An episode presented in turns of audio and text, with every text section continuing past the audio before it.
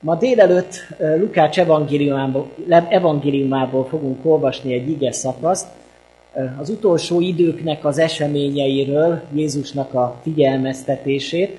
Ha van nálunk Biblia, akkor keressük ki Lukács evangéliumának a 21. fejezetét, és a 25. verstől a 36. versig fogom felolvasni. Fennállva hallgassuk az igét, tehát Lukács evangéliuma 21. fejezet, 25. versétől. És akkor jelek lesznek a napban, a holdban és a csillagokban, a földön pedig a tenger zúgása és háborgása miatt kétségbe esnek a népek tanácstalanságukban. Az emberek megdermednek a félelemtől és annak sejtésétől, ami az egész földre vár, mert az egek tartóerői megrendülnek. És akkor meglátják az emberfiát eljönni a felhőben nagy hatalommal és dicsőséggel.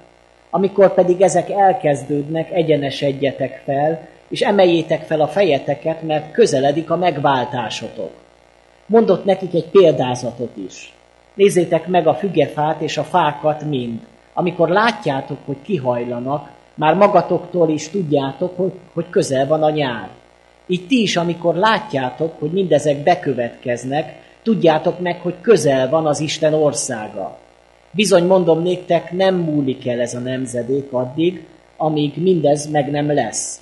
Az ég és a föld elmúlik, de az én beszédeim nem múlnak el.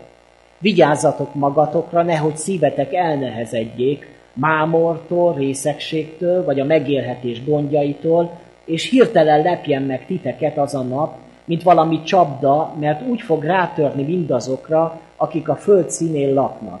Legyetek tehát éberek, és szüntelenül könyörögjetek, hogy kimenekülhessetek mindazokból, amik történni fognak, hogy megállhassatok az emberfia előtt. Imádkozzunk. Úr Jézus, köszönjük neked azt, hogy nem tartotta titokban, hogy mi fog történni ezzel a világgal, hogy mindaz, amit most látunk magunk körül, amit talán most nagyon fontosnak tartunk, az mind el fog tűnni, el fog múlni, és egy új világ születik majd, egy új ég és új föld, ahol számunkra is lesz majd hely. Szeretnénk Istenünk nem ragaszkodni ezekhez a földi dolgokhoz, hanem sokkal inkább készülni az új világra, a te eljöveteledre, amely hiszük, hogy nagyon közel van. Köszönjük neked, Istenünk, hogy ma is akarsz hozzánk szólni. Látod azt, hogy ebben az adventi időszakban amiben van az egész életünk, mennyire vágyakozunk arra, hogy veled találkozunk. Uram, kérlek, hogy gerjeszt fel a szívünkbe ezt az éjséget, ezt a szomjúságot, te utánad való várakozást. Ad, Uram, hogy ne csak az értelmünket érintse meg és szólítsa meg a Te igét, hanem a szívünknek a legmélyét. Amen. Foglaljon helyet a gyülekezet. Jézus Krisztusnak utolsó beszédéből olvastam föl egy szakaszt, ezt a beszédet szokták templomi beszédnek nevezni, azok után, hogy Jézus bevonult Jeruzsálembe, több napon keresztül tanított a templomba. Ezek csodálatos napok voltak, azt gondolom, hogy a templom akkor működött igazán úgy, ahogy az Isten elgondolta és tervezte, hogy maga a messiás, maga az Isten fia tanít a templomban, és nagyon fontos igazságokat jelent ki az emberek számára. És aztán szomorú azt olvasni, hogy mindezek után, a tanítások után az emberek nem, hogy megtérésre indultak volna, nem, hogy közel kerültek volna Jézushoz, hanem sokkal inkább szembefordultak Jézus tanításával, és ismerjük a történetnek a folytatását, hogy az emberek aztán elítélik, és keresztre feszítik Jézus Krisztust. Ezt a tanítását, amit itt olvastuk, úgy is szokták nevezni, hogy Jézus apokalipszise, hogy a végidőkről, az utolsó időkről beszél, amiről talán az apokalipszisről a jelenések könyve jut eszünkbe, de több más apokaliptikus irat vagy fejezet van a Bibliában, akár ószövetségi iratokra is lehet gondolni, de Jézusnak a tanításában is előkerülnek ennek az apokaliptikus irodalomnak a, a jellemzői, a jellemvonásai. Hát az utolsó időkről beszél, és hát hogy kerül ide karácsony előtt ez az ige szakasz? amikor készülünk lelkileg a karácsonyra, egy nagyon meghitt ünnepre, egy bensőséges ünnepre, azért, mert hogy az advent nem csak a karácsony várásáról szól, nem csak arról szól, hogy majd megünnepeljük Jézus Krisztusnak a születésnapját, és azt, hogy ő eljött csecsemőként erre a világra, hanem az adventi időszak az egyház történelemben mindig is annak az időszaka volt, amikor az egyház különösen arra gondolt, hogy Jézus nem csak egyszer jött el a világba, hanem el fog jönni. És ez a mi hitünknek is a, a, az egyik hitvallási igazság, hogy hisszük azt, hogy Jézus Krisztus megjelenik az idők végén, nem csecsemőként jön el erre a világra, hanem hatalommal és dicsőséggel, királyként fog megjelenni, és ítélni fogja a világot, az élőket, a holtakat, megtörténik a holtaknak a feltámadása, és majd örökké az Úrral leszünk. Hát Mékerékkel jártunk ezen a héten, és jó volt szolgálni ott is a testvérek között. Elfelejtettem átadni, hogy hozom a még, hozzuk a mékeréki testvéreknek a köszöntését. És ott is elmondtam, hogy a, a, mindig is keresték ennek az adventi időszaknak a, az üzenetét, hogy miben rejlik az adventnek a lényege. És ugye négy adventi koszorú van, vagy négy adventi gyertya van, és hát vannak, akik azt mondják, hogy a négy gyertya az négyezer évet szimbolizál, hogy ennyi időn keresztül várta a világ a messiást.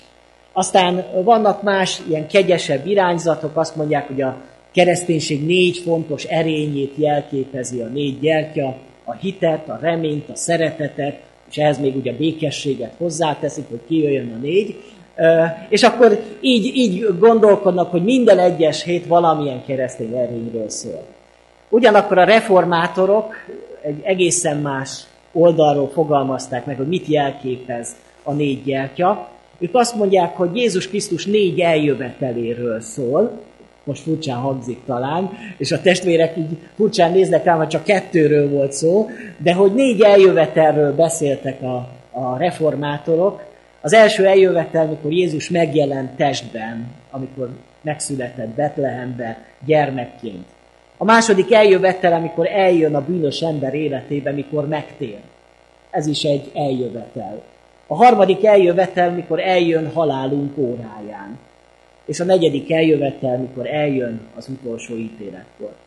Négy olyan esemény, amikor Jézus eljön az ember közelébe, és fontos ezeket az igazságokat meglátni. Azt is megfogalmazták a reformátorok, hogy igazából karácsonya csak annak az embernek van, akinek az életébe eljött Jézus Krisztus. Ez a világ ünnepli a karácsony, készül a karácsonyra. Hát látjuk azt, hogy tele vannak az üzletek árukkal, mindenütt fények vannak, szólnak a, a zenék a, a boltokba, de igazából ünneplie a világ a karácsony. Nem tud mit kezdeni vele, mert hogy mit is ünnepelünk. Néha meg kell magyarázni már a gyerekeknek, hogy karácsonykor nem a Mikulás jön.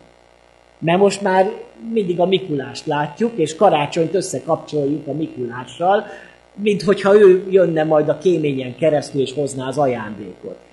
De nem erről szól a karácsony. Igazán karácsony annak az embernek van, aki újjászületett ember, aki megtért ember. Egyik reformátor mondta így, hogyha Krisztus megszületett volna ezerszer is Betlehembe, te elvesznél akkor, ha nem születne meg a szívedbe. Tehát egy fontosabb esemény a karácsonynál, vagy a karácsonynak akkor van értelme az életembe, hogyha nem csak egy történelmi eseményként tekintek vissza, egy szép eseményre, hogy milyen jó, hogy meglátogatott bennünket az Isten, hanem hogy személyesen engem látogatott meg az Isten. Én hozzám jött el Jézus, az Isten fia. Engem szült újjá.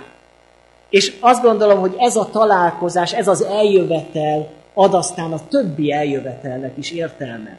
Hogy várhatom úgy a halálom óráján az Úr Jézust, hogy nem kell rettegnem, nem kell félnem, hogy vajon mi lesz velem. Nagyon sok ember, mikor megkérdezem, hogy mit gondolsz arról, hogy mi történik veled, ha meg fogsz halni, akkor azt mondják, hogy nem tudom. Nem tudom. Mikor megkérdezem, hogy a mennybe vagy a pokolba kerülsz, azt mondják, nem tudom, majd eldől majd. Én nem szeretném így leélni az életemet, testvérek, remélem, hogy ti se, hogy bizonytalanságba. Hogy majd azon a napon majd kiderül, hogy jó voltam, rossz voltam, hogy a mennybe kerülök, vagy a pokolba, hanem már most, már most bizonságunk kell, hogy legyen arról, hogy örök életünk van, hogy örök életet ajándékozott nekünk, ami Úrunk, azért, mert újonnan születtünk. És amikor a halálunk óráján megjelenik az Úr Jézus, akkor ő nem ítél minket kárhozatra, hanem magához vesz bennünket. De ugyanígy várjuk mi az utolsó időpontot, Jézusnak a második eljövetelét, amely a világ számára félelmetes nap lesz. És ö, mindenfajta romantikus elképzeléstől szeretném megóvni a testvéreket, hogy Jézus második eljövetelének a napja borzasztó nap lesz a világ számára. Úgy is mondja az Ószövetség ezt a napot, hogy a haragnak a napja. Istennek a haragja megvalósul, vagy elő, előtérbe kerül, hiszen megítéli a világon a bűnt, a sátánt és a bűnösöket, és, és lesz, a, akik a pokolra kerülnek. De nekünk nem, ez a nap nem a félelemnek a napja, hanem számunkra az öröm napja, amit várakozással várunk. Azért, hogy Jézus majd magához vesz bennünket, vége lesz a szenvedéseknek, és örökké Jézussal lehetünk. Hadd kérdezzem meg, miközben adventben vagyunk, hogy te hogyan nézel ezek elé az események elő? Félelemmel és rettegéssel és bizonytalansággal, hogy hú, mi lesz velem, hogy fog történni ez, vagy úgy, mint aki már tudja, hogy nekem üdvösségem van, és várom az Urat, és amikor vége az Isten tiszteletnek, akkor nem csak megszokásból mondom, hogy jövel Uram Jézus, amikor elhangzik, hogy az Úr közel, hanem komolyan gondolom, hogy gyere Jézus, várlak téged, azt akarom, hogy mai napon visszagyere az én életembe. Mert ezt azok tudják elmondani, akiknek az életében ott él már Jézus. Ezért adventi vasárnapokon is hangsúlyos az üzenet a gyülekezetbe, hogy készülni Jézus Krisztus eljövetelére megtéréssel lehet megtéréssel. Emlékeznek a testvérek Jézus megjelenése előtt, vagyis nyilvános szolgálata előtt bemerítő Jánosnak mi volt a szolgálatának a lényege? Készíteni a messiás útját. Hogyan készítette bemerítő János a messiásnak az útját? Úgy, hogy megtérésre hívta Izrael. Térjetek meg. És a megtérés készíti el Jézusnak az útját. Így készülünk igazából karácsonyra, hogy megtérünk a szívünkbe, hogy oda térünk Jézus Krisztushoz. És persze el kell mondja, mondanom azt, hogy nem pipálhatjuk ki a megtérést, mi keresztények. Mert mondhatjuk azt, hogy a megtérés számunkra már egy múltbeli esemény, hiszen itt azért ebbe a gyülekezetbe, ahogy körülnézek, a nagy többség már megtért. De elég egyszer megtérni az életünkben. És kipipálni azt, hogy Na ez most már megvolt, most már ezzel nem kell foglalkoznom az életembe, vagy esetleg tényleg az az igazság, hogy szüntelenül, akár minden nap megtérésre van szükségem. Igaz az egyik, és igaz a másik is. Egyszer kell igazából megtérni, újjá születni. Csak egyszer lehet majd bemerítkezni, nem minden nap bemerítkezünk. Bár sokan mondják, hogy úgy szeretnék még egyszer. Emlékszem, mikor általában beszoktam meríteni, és akkor előtte rettegnek a, a, a bemerítkezők, és utána, amikor túl vagyunk, azok még egyszer. Mondom, már nem lehet, ez már csak egyszer lehet az életünkben. Ugye így egyszer lehet újonnan születni, de megtérni, visszatérni, odafordulni Jézus Krisztus felé, azt folyamatosan kell, minden egyes napon. És milyen jó lenne, hogyha mi is ilyen megtéréssel készülnénk az ünnepekre, Megtéréssel készülnénk a karácsonyra, megtéréssel készülnénk Jézus Krisztusnak a második eljövetelére. És itt Jézus különböző jelekről beszél. Az, hogy mi fogja megelőzni az ő visszajövetelét a világra. És azt mondja, hogy ezekből a jelekből nekünk olvasnunk kell. Azt mondja, hogy ha látjátok a fügefát, ami már elkezd kihajtani, akkor tudjátok, hogy közel van a nyár. Ugyanúgy, ha látjátok az időknek a jeleit, akkor tudjátok azt, hogy közel van az a nap. Nem tudom, hogy mennyire figyeljük a világ eseményeit, mennyire értelmezi jól az egyház azt, ami körülveszi. Mondhatjuk azt, hogy a végidőknek a várása egy picit lejáratott dolog az egyházon belül, meg a világban is, hiszen annyiszor megprofétálták már, hogy visszajön az Úr Jézus. És azért lehet, hogy mi úgy vagyunk vele, hogy hát, annyiszor mondták már, hát nem hiszem, hogy ez most be fog következni. Valamikor majd nagyon sokára, még néhány ezer év múlva, mi úgyse fogjuk megélni. Vagy ott van bennünk a szívünkben az a reménység és az a vágy, hogy az én generációmban megtörténik az elragadtatás. Hogy én is meg fogom látni az Urat. Ott van bennetek ez a vágy és ez a reménység, testvérek, hogy, hogy akár a mi generációnk a történelem utolsó generációja? Én nekem az a meggyőződésem, hogy minden generációnak és minden koroknak a hívő emberének így kell gondolkodnia a világba. Így lesz helyes a mi hívő életünk és a, az Isten igényéhez való viszonyulásunk. De hogy lássuk azt, hogy azért mennyire sokszor félre értették az igét, már az első századokban is volt egy csoport, az eszénusok, akiknek köszönhetjük, hogy a holtengeri tekercseket megírták, és ez a, talán a legelső olyan írott emlékünk, ami a, a, a Ószövetség iratokat tartalmazza, tehát nagyon áldásos szolgálatot végeztek ezek az eszénusok, de ők az eszénusok azt mondták, hogy az időknek a vége, tehát akkor lesz a világ vége, amikor Jeruzsálem elpusztul. Ugye ez azt jelenti, hogy ő szerintük 70-ben, Krisztus után 70-ben vége kellett, hogy legyen a világnak. És nagyon érdekes egyébként, hogy Jézus beszédében is néha látunk ilyen picit eszénus elemeket, mert a templom pusztulását összekapcsolja a világ végével, de ez nem azt jelenti, hogy Jézus így gondolta volna, csak hogy ezt a két eseményt ő valami miatt összekapcsolja. Hát ugye nem lett 70-ben világvége, az eszénusoknak vége lett, mert ez a közösség elpusztult, de utána sem maradt azért a világ ilyen utolsó időknek a, a proféciái nélkül. Már a második században volt egy Montános nevezetű tanító, aki egy kiváló szónok volt, olyannyira, hogy a kornak a legnagyobb teológusa, Tertullianus, ő montanista lett. Tehát a Montánusnak a tanítója lett. Vagy a, nem a tanítója, hanem követője lett. És ez a Montánus például azt tanította, hogy az atya az az atyaisten, az Ószövetség istene, Jézus az a, testben megjelent fiú, és hát a Szentlélekről csak úgy nagyon szerényen azt mondta, hogy az én vagyok. Tehát, hogy csak hogy lássuk, hogy micsoda tévtanítások voltak mondjuk a második század kereszténységébe, és ennek ellenére ez a tanító nagy sikernek örvendett sok gyülekezetbe, és nagy követői tábora volt. És hát ő is megjövendölte azt, hogy mikor lesz a, a világ vége, tehát ő is a második századra a saját korára tette, és ráadásul ő azt jósolta, hogy majd Törökországban lesz az Isten királysága. Hát nagyon tévedett, azért Törökországban viszonylag kevés, kevés keresztény van a mai napig is, tehát ő valahogy mellé fogott.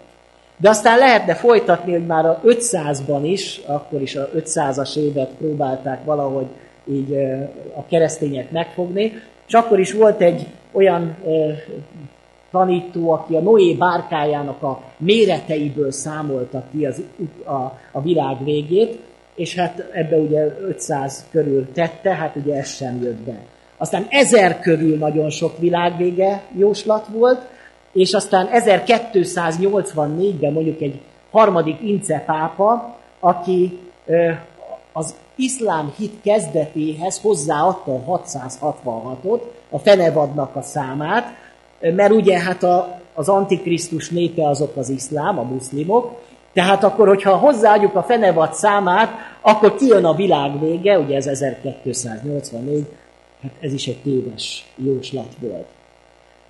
Aztán lehetne sorolni, csak még egyet emelek ki, egy Johannes Töffler nevezetű tanító, aki egy kicsit még az asztrológiát is belevette ebbe a dologba, ő aztán 1400, 1524-re jósolta meg a világ végét, és ő azt mondta, hogy vízözönbe pusztul el a világ, már csak itt egy nagy tévedés, hiszen a Bibliában le van írva külön, hogy nem történik újabb vízözön, tehát nem küld Isten újabb vízözönt, de hogy ő mégis elhitette az emberekkel, és az emberek Németországba eszeveszett módon elkezdtek bárkákat építeni.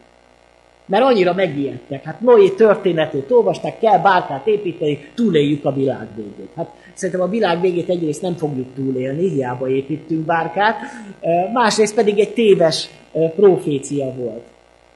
Amikor nem lett a világ vége, hát ezt a Johannes Töflert, őt megkövezték, halára kövezték, tehát egyre haragudtak rá a népek. Tehát látjuk azt, hogy a világ vége jóslatok valahol mindig jelen voltak a történelemben, és inkább lejáratták a kereszténységet, és inkább azt a hitet indították el az emberekbe, hogy nem kell komolyan venni a végidőknek a, a proféciáit. Hogy ezzel mindig csak liogatják a keresztények a világot, hogy el fog pusztulni ez a világ, de hát már eltelt 2000 év. Hát ez nem fog megtörténni. De hadd kérdezzem meg, hogy nekünk is így kell gondolkodni, hogy miközben sok téves tanító volt már a világban, akkor mi is azt mondjuk, hogy ne foglalkozzunk ezzel a témával. Én azt gondolom, nem ez a megoldás. A Biblia egyértelműen beszél, hogy a napot, az órát, azt senki nem fogja tudni megmondani. Tehát, hogyha valaki kiállít a gyülekezetbe, hogy neki az Úr kijelentette, hogy mikor lesz a világ vége, akkor pontosan tudjuk azt, hogy ő tévtanító. Mert hogy a napot, az órát senki nem tudja. Viszont az idők jeleiről beszél Jézus Krisztus. És az idők jeleit észre kell vennünk.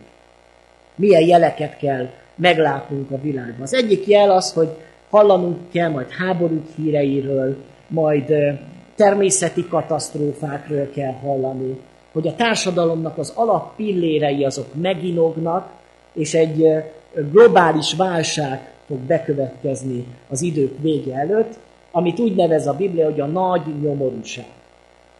Ma, hogyha körülnézünk a világba, lehet, hogy azt mondjuk, hogy ma sokkal jobb a világunk, mint mondjuk volt 200 évvel ezelőtt. Mi is hajlamosak vagyunk egyébként arra, hogy negatívan lássuk, hogy ú, milyen borzasztó ez a világ, ami körülvesz bennünket. De tény az, hogy a mai világunk biztonságosabb világ, mint száz évvel ezelőtt. Ma sokkal kevesebben halnak meg háborúkban, mint száz évvel ezelőtt. Ma sokkal kevesebben halnak meg járványokban, mint száz évvel ezelőtt. Ha 200 évvel ezelőtt születtünk volna, tudják a testvérek, mennyi volt a születéskor várható élettartam 1800-as évek elején? 29 év. Többségünk már egyáltalán nem élne. Ma mennyi a születéskor várható élettartam? Olyan 77, 78, 79, 50 évvel tovább élünk, mint 200 évvel ezelőtt. A világ jó irányba megy, vagy rossz irányba megy? Ugye néha az az érzésünk, hogy a világ rossz irányba megy. Borzasztó milyen a világ. De azt is el kell, hogy ismerjük, hogy a világ bizonyos értelemben jó irányba megy. Tehát bizonyos folyamatok jók a Földön. És hadd mondjam el, hogy ezt is a végidők jeleként kell látnunk, ugyanis a Biblia arról is beszél, hogy nem csak, hogy nagy nyomorúságok lesznek, hanem az utolsó időkre inkább az jellemző, hogy az emberek nagy békességet hirdetnek. Hogy amikor azt mondják, hogy békesség, akkor jöjj el a vég. Mert olyan lesz az utolsó időkben, mint a Noé napjaiban, hogy az emberek esznek, isznak, házasognak, nem törődnek semmivel, és közben pedig váratlanul visszajön az Úr Jézus. A mai világnak a legnagyobb becsapása az, hogy egy túlságosan kényelmes és egy jó világban élünk. Ebben a világban azt mondhatjuk, hogy tervezhetünk 50-70 éveket előre, mert valószínű meg fogjuk érni a 70-80 esztendőt. De ez azt jelenti, hogy kevésbé függenénk az Istentől. A mai világnak a legnagyobb problémája az, hogy azért nem törődik a természet feletti Istennel, mert túlságosan biztonságba érzi magát. És ö, én azt gondolom, hogy éppen ez a jellemző, ez a, ez a pont, ami arra enged következtetni, hogy közel van a vég. Hogy majd mikor a legnagyobb biztonságba érzi magát az ember, akkor rázza meg Isten ezt a világot. És akkor jönnek ezek a leges, legvégső, utolsó események, mikor minden összeomlik, de az összeomlás előtt megelőzi egy, egy jóléti időszak. És Jézus e, ebben a beszédében pontosan erről az időszakról beszél. Pontosan nekünk mondja meg az üzenetet, hogy mi, akik ebben a világban élünk, és egy egyébként békességben levő világban élünk, bár itt is vannak sok-sok feszültség, ezt nem, nehéz lenne tagadni, de mire figyeljünk? Azt mondja Jézus, hogy vigyázzatok magatokra. Ez egy ilyen felszólítás. Felszólítás, ami meggyőződésem, hogy nekünk szól, hogy vigyázzatok, mert veszélyes. Amikor kíván írva valahol, hogy vigyázzat. Mondjuk a, felszállunk a buszra, ki van írva, vigyázzat, tessék kapaszkodni, mert ha nem kapaszkodsz, akkor elesel. És az ember azt mondja, hogy mit nekem, én nem kapaszkodok, én, nem, nehogy már én elessek. Aztán fékez egyet a busz, és pofára esett, biztos. Mert nem figyeltem a figyelmeztetésre. És amikor a Biblia azt mondja, hogy vigyázzatok, akkor azt mondja Jézus, hogy veszély van. Hogy figyelj oda, mert el fogsz esni. És össze fogod törni magadat és elveszíted a hitedet. És ezt a világot éljük ma, amikor Jézusnak az üzenete az övéi felé, hogy vigyázzatok magatokra. Mert mindenütt támadni fog az ördög, és mindenütt próbál titeket elvonni az Isten jelenlétéből. Nagyon érdekes, hogy azt mondja, mi szeretünk sokszor a másikra vigyázni, és ez is a feladatunk, hogy vigyázunk egymásra de néha sokat törődünk a másikkal, és keveset magunkkal. Jézus azt mondja, hogy figyelj magadra, hogy magadra is figyeljél. Ne csak a másikra, hogy na most az a testvérem így másik, veled mi van? Velem mi van? Vigyázol-e magadra, a saját lelki egészségedre, a saját hitedre, a saját Istennel való kapcsolatodra? Mert az utolsó időkben ez a kapcsolat lesz támadások alatt. És azt mondja, hogy ne nehezedjék el a szívetek. És azért raktam ki azt a képet, így, hogy egy, egy ilyen lufi, ami röpül. Mert az embernek a szíve lehet könnyű. Olyan könnyű, ami szárnyal. Sokszor, amikor azt mondja a Biblia, hogy minden féltve őrzött dolognál jobban őrizd a szívedet, mert onnan indul ki az élet, akkor arra gondolunk, hogy ne kövessünk el bűnt, és erre is vonatkozik, hogy tisztán tartani az én szívemet. De azt is mondom, hogy tarts könnyűnek a szívedet, hogy ne nehezedjék el a szíved. Mert milyen az a szív, ami könnyű? Az tud repülni. Azt nem köti a világ. Az szárnyal.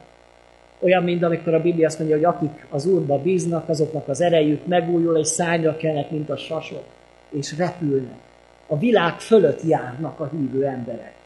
Azért, mert nem húzza le őket a mélység. Értjük ezt a képet? Ha könnyű a szíved, akkor te repülsz. És bár sok probléma ér téged, de ezek fölött jársz. A problémák fölött, mert a hited felemel téged. És amikor megnehezedik az ember szíve, azt is mondhatnánk, hogy kőszíve lesz az embernek, amikor megkeményedik és megkérgesedik a szív, akkor nagyon nehéz lesz. És az a nehéz szív az embert visszahúzza, visszarántja a földre. És az a hívő ember már nem szárnyal, már nem repül, már nem a, a világ fölött jár, az a hívő ember már a világnak a fogja. És ezért mondja Jézus, hogy ne engedjétek, hogy megnehezedjék a szívetek, mert ide fog kötni benneteket a világhoz, és a világ fogjai lesztek. A világnak a gravitációja húzza le az életeteket. Érzitek és tapasztaljátok, hogy ez működik, ez a törvényszerűség, hogy hány és hány hívő embert látok, aki azt mondja, hogy két lábbal a földön állok. És ezt pozitívként mondja, ugye? Én nem akarok két lábbal a földön állni. Én hívőként repülni szeretnék. Jó, egyik lábammal lehet, hogy itt vagyok, de másikkal már ott, a mennybe. Én nem a két lábbal a földön. Az nem a hívőknek való. A hívő ember az szárnyal a világ felett. És tudjátok, itt Jézus aztán fel is sorol, hogy mitől nehezedik meg az embernek a szíve. Mitől válik keményé az embernek a szíve. És itt azt mondja az egyik dolog, hogy ne nehezedjék el a szívetek a mámortól és a, és a részegségtől.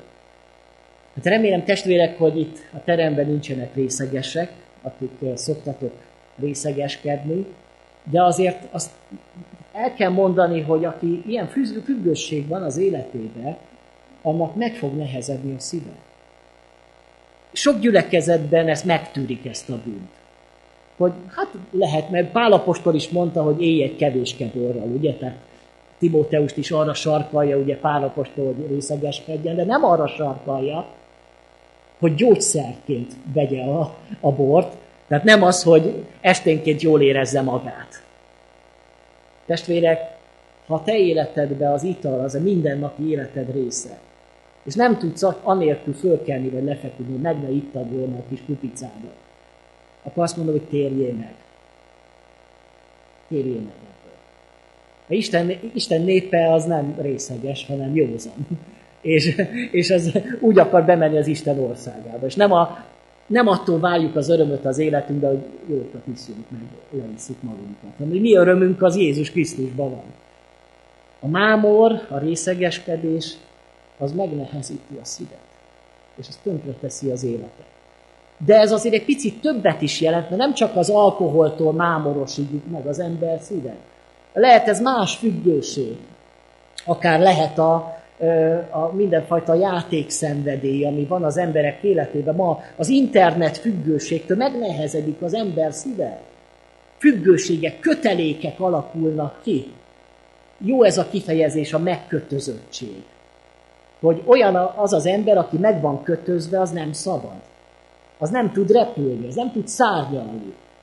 Hát minket megkötöz sokszor a média. Az, hogy annyira média fogyasztók vagyunk, hogy el se telik egy olyan nap, hogy ne kapcsolnánk be a televíziót. És vannak olyan testvérek, akik naponta négy-öt órát tévéznek. És most gondoljuk át a napi időbeosztásunkat. Lehet, hogy ez kötelék, amitől meg kéne szabadulni, és elvágni ezeket a szálakat, amik most már lefelé húznak. És azt mondod, hogy nincs rám hatással, amit látok a tévében, de hogy is nincsen. Amit hallasz, az beépül a te életedbe. Azt a négy-öt órát ige olvasással foglalkoznánk, már mi teológiai professzorok lennénk. És hogyha azt a négy-öt órát mondjuk látogatással, vagy, vagy, vagy imádkozással töltenénk, már hol tartana az életünk? Érezzük, hogy kötelékek vannak, amiket, amiket le kell, hogy vessünk magunktól. Kötelék lehet az ember életébe, és megmámorosodhat az ember a pénznek a szerelmétől. Ez egy nagyon furcsa és egy nagyon aljas stratégiája az ördögnek, a, pénznek a szerelme. Amikor az emberrel elhiteti, hogy annál értékesebb vagy, minél több dolgot birtokolsz. És körülveszünk magunkat tárgyakkal. És egyre több tárgyal veszük körül magunkat, és egyre többet vásárolunk. Hát a karácsony is ma már a vásárlás ünnepe, ez a fogyasztói társadalom ünnepe lett a karácsony, pedig nem ennek kéne lenni. És megmámorosodik az ember szíve. Értsük jól, a tárgyaink lehúznak minket. Mint hogyha mindazt a, a dolgot, amit megszereztünk, azt így egy, egy nagy hátizsákba hordoznánk és cipelnénk magunkkal. És akarunk mi repülni, de hát a tárgyaink húznak lefelé. Mert megnehezedett az életem, a szívem. Azért néhány száz évvel ezelőtt az embereknek miük volt. Volt egy ágyuk, volt egy pár használati tárgyuk, de nem több. És boldogok voltak, elégedettek voltak. Ma meg annyi dolgunk van, és mégis van elégedetlenek vagyunk. És mindig több kell, és mindig új kell, és mindig más kell. Nem erről beszél Jézus, hogy ne nehezedjék meg a szívetek a mámortól, a részegeskedéstől, attól, hogy már nem a mennyországgal fogunk törődni, már nem a Isten királyságával törődünk, meg arra, arról, hogy mi lesz majd odaát, meg hogyan tudnék az Istennek szolgálni, hanem a gondolkodásomat mi fogja kitenni. Az, hogy hogyan lehetek még gazdagabb. Hogyan tudnék még többet vásárolni. És ezen aggodalmaskodok. Testvérek, nem jellemez ez bennünket? A fogyasztói társadalomnak a, a csapdája, amiről Jézus beszél, hogy vigyázzatok magatokra. Mert elnehezedik a szív a mámortól és a részegeskedéstől. De egy másik dolog is megnehezeti a szívet, a megélhetésnek a gondja. Tehát nem csak a jólét nehezíti meg a szívet, hanem a jólétnek a hiánya, a szegénység, és a, az a fajta dolog, amikor az embernek állandóan azon kell aggódnia, hogy be tudom fizetni a számlát, vagy nem. Hogy hónap elején nekem sakkoznom kell, hogy most ezt a számlát fizetem, vagy azt a számlát, és láttam olyan embereket, akik, akiknek hónapokon és éveken keresztül ennyire letelhelt volt az életük. És talán közöttetek is van, akinek az összes gondolata mindig, hogy hogyan fogom, és a karácsony sok ember számára egy stressz. Mit, hogyan tudok én vásárolni az én családomnak, mert nincs miből. És tudjátok, nagyon sokan karácsony előtt hiteleket vesznek fel. Azért, hogy valamit tudjanak adni az unokáknak, azt a gyerekeknek. És ez is stressz, a megélhetés gondja, ami megnehezíti a szívet, és megkötözi a szívet, és már megint csak nem szabad, szabad az ember, hanem nagyon az anyagiasság és a világnak a fogja. És erről beszél Jézus, hogy az utolsó időkben Jézus visszajövetelét megelőzően a világba megy a hitetés. A hitetés az, hogy az emberekkel sok mindent elhitet az Antikrisztus, de főleg azt, hogy ne törődjünk mi az Isten országában. Hogy ne törődjünk mi a Krisztussal, ne törődjünk a szolgálatunkkal, a feladatunkkal, hanem nagyon is a világi dolgokkal foglalkozunk. És miközben nagyon fontos, hogy a világgal foglalkozunk, egyre kevésbé értjük már az Istent. Nem tudom, a testvérek közül ki ismeri Kosztolányinak a Boldog Szomorú Dal című költeményét, biztos talán a fiatalok nem olyan régen tanultátok a, a középiskolába. Nagyon szép vers, nem tudom idézni végig, de hogy elmondja Kosztolányi, hogy van már füzetem, van tollam, van telefonom van, minden, mindenem van, és a felsorolja nagyon hosszan milyen van Kosztolányinak. Hogy feleségem is, családom is van, minden van, és a végén azt mondja, de a kincset, amit kerestem hajdanában, az már nincs meg. Mert itthon vagyok, itt a földön, de már nem vagyok otthon a mennyben. Már itt vagyok otthon a földön, mert már mindenem van. De közben elveszítettem a kincset, amit régen kerestem. És már nem vagyok ott a mennyben. Hadd kérdezzem meg, hogy ez nem jellemző a mai kor ember és ránk is, hogy már annyi mindenünk van, és annyi mindent szeretnénk még, és közben elveszítjük a legfontosabbat. És Jézus pontosan erről a kísértésről beszél az utolsó időkben, hogy megnehezedik a szív. Az utolsó idők nagy jellemzője az alvás. Ugye legyetek éberek, ami azt jelenti, hogy ne aludjatok. Az alvás az az állapot, amikor az ember elveszíti a realitás érzékét. Ez egy ilyen furcsa állapot. És tulajdonképpen az Isten népe is alszik a világban. Így írja le a Jézusnak több példázata is, hogy az utolsó időkben az egyház aludni fog. És mitől szenderül el az álomba az egyház? Éppen azért, mert elveszíti a valóság érzetét. Hogy, hogy álomvilágban él. És nem a valóságban, nem az igazságban. Elkápráztat bennünket az, ami körülvesz minket. És már nem a igazi értékek után vágyakozik a szívünk és az életünk. És ebből az állapotból ébreszt fel bennünket az ige. És ebből az állapotból akar felébreszteni minket advent idején az Úr, hogy ébredjetek fel hogy nyissátok ki a szemeteket, és lássátok meg, hogy mit csináltok. Ez van a rövid kis életben, amíg itt vagytok a Földön. Hát hamarosan visszajövök, hamarosan itt a vége, és ti meg egész életeteket ilyen felesleges dolgokkal tömítek meg, hogy végre ébredjünk fel. ébredjünk rá a valóságra. Az is igaz, és ez egy nagyon érdekes kép, hogy ahol, mikor kezdünk el álmosak lenni. A nap végén, igaz? Amikor elkezd lemenni a nap. Ilyenkor érdekes, hogy télen sokkal hamarabb leszünk álmosak. Nem? Hát én magamon is észrevettem, hogy nyáron 8 óra van, hát még süt a nap, nem? Tehát ki álmos nyáron 8 órakor, vagy 9-kor. De hát ilyenkor télen már, ó, de késő van, nem? Hát, de még csak lehet, hogy 8 óra van, de már úgy, úgy érezzük, már nagyon késő van. De lement a nap, sötét van. A sötét az mindig elálmosítja az ember. Nem tudom, ez valahogy így vagyunk megteremtve, érdekes egy igazság ez. És az idők végén, ahogy egyre sötétedik a világ, egyre inkább elnyomja az álom az egész emberiséget. Mert hogy elfáradtunk, elfáradt a világ. Benne elfárad az Isten népe. Elfáradtunk a várakozásba, és elkezdünk bealudni. És ahogy egyre megy az idő előre, egyre inkább kell az Isten népének még jobban harcolnia az ellen, hogy elaludjon. Nem tudom, testvérek között ki szokott éjszakai műszakba dolgozni. Vannak talán néhányan. És harcoltatok már -e azzal, hogy, hogy a szemünk kezd lecsukódni, de tudjuk azt, hogy nem aludhatok.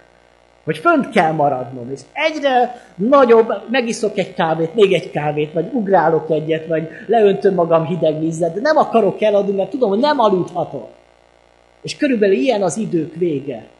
Már csukódna a szemem. Már elkezdenék aludni. De tudom, hogy most nem aludhatok. Mert most ébernek kell lennem. Most figyelnem kell. És tudom, hogy éjszaka közepén jön majd meg az Úr Jézus.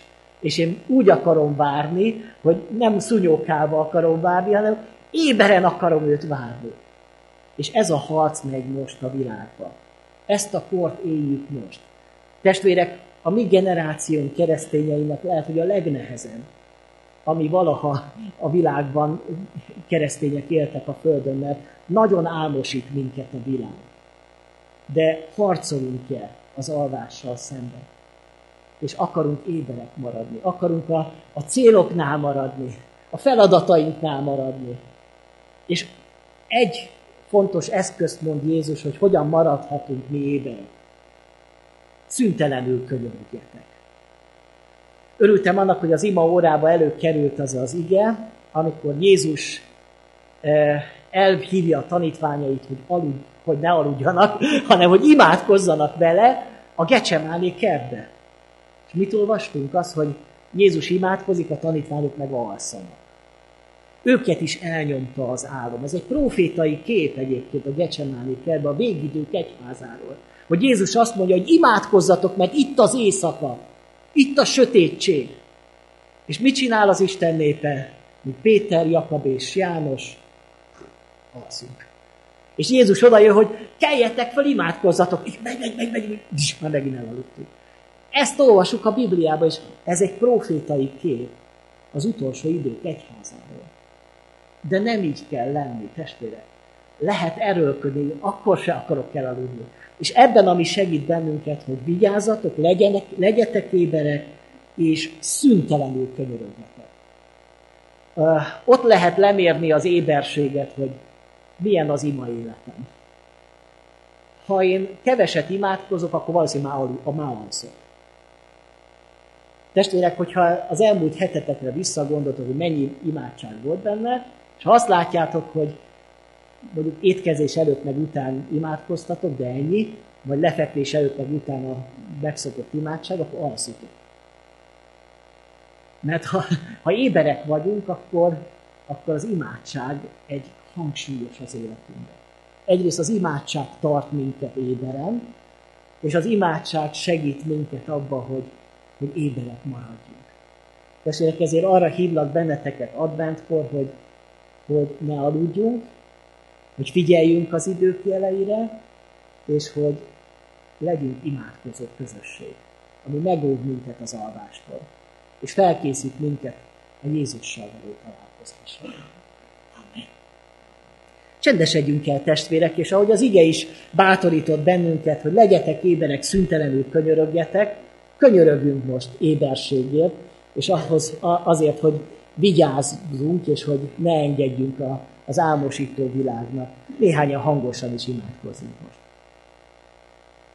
Úr és köszönöm neked, Uram, ezt a mai délelőttöt, köszönöm neked az ébresztő szózatot, hogy Te magad hívsz bennünket arra, hogy legyünk éberek és tartsunk ki, még akkor is, hogyha ha annyira elnyomna bennünket ez a világ, és annyira álmosít az a környezet, amiben benne élünk, és mi is hajlamosak lennünk arra, hogy megfeledkezünk rólad, megfeledkezünk a valóságról, és egy álom világba szenderüljünk, és egy álom értékeket kövessünk, és közben tönkre menjen talán az életünk.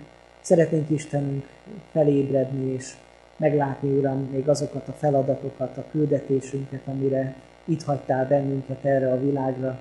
Köszönjük neked, Istenünk, hogy te még türelmes vagy, hogy még nem zártad le ezt a, ezt a korszakot, hogy még van lehetőség ma is megtérni, ma is van lehetőség még rendezni a kapcsolatot veled és egymással.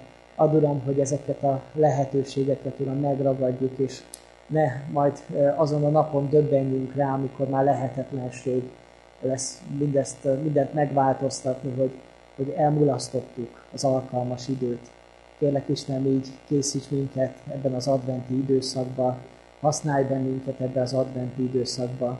Kérlek Isten arra én is, hogy szabadíts fel a mi szíveinket mindenfajta megkötözöttségtől, mindenfajta septől, minden olyan dologtól, ami akadályozza, hogy azok lehessünk, ami, akivé teremtettél bennünket, akivé megváltottál bennünket, hogy a szolgálatunknak legyen eredménye, gyümölcse. Kérlek Isten, így használd, Uram, ezt a gyülekezetet is abban, hogy, hogy tudjunk ebben a városban fényként, világosságként jelen lenni a Te dicsőségedre. Amen.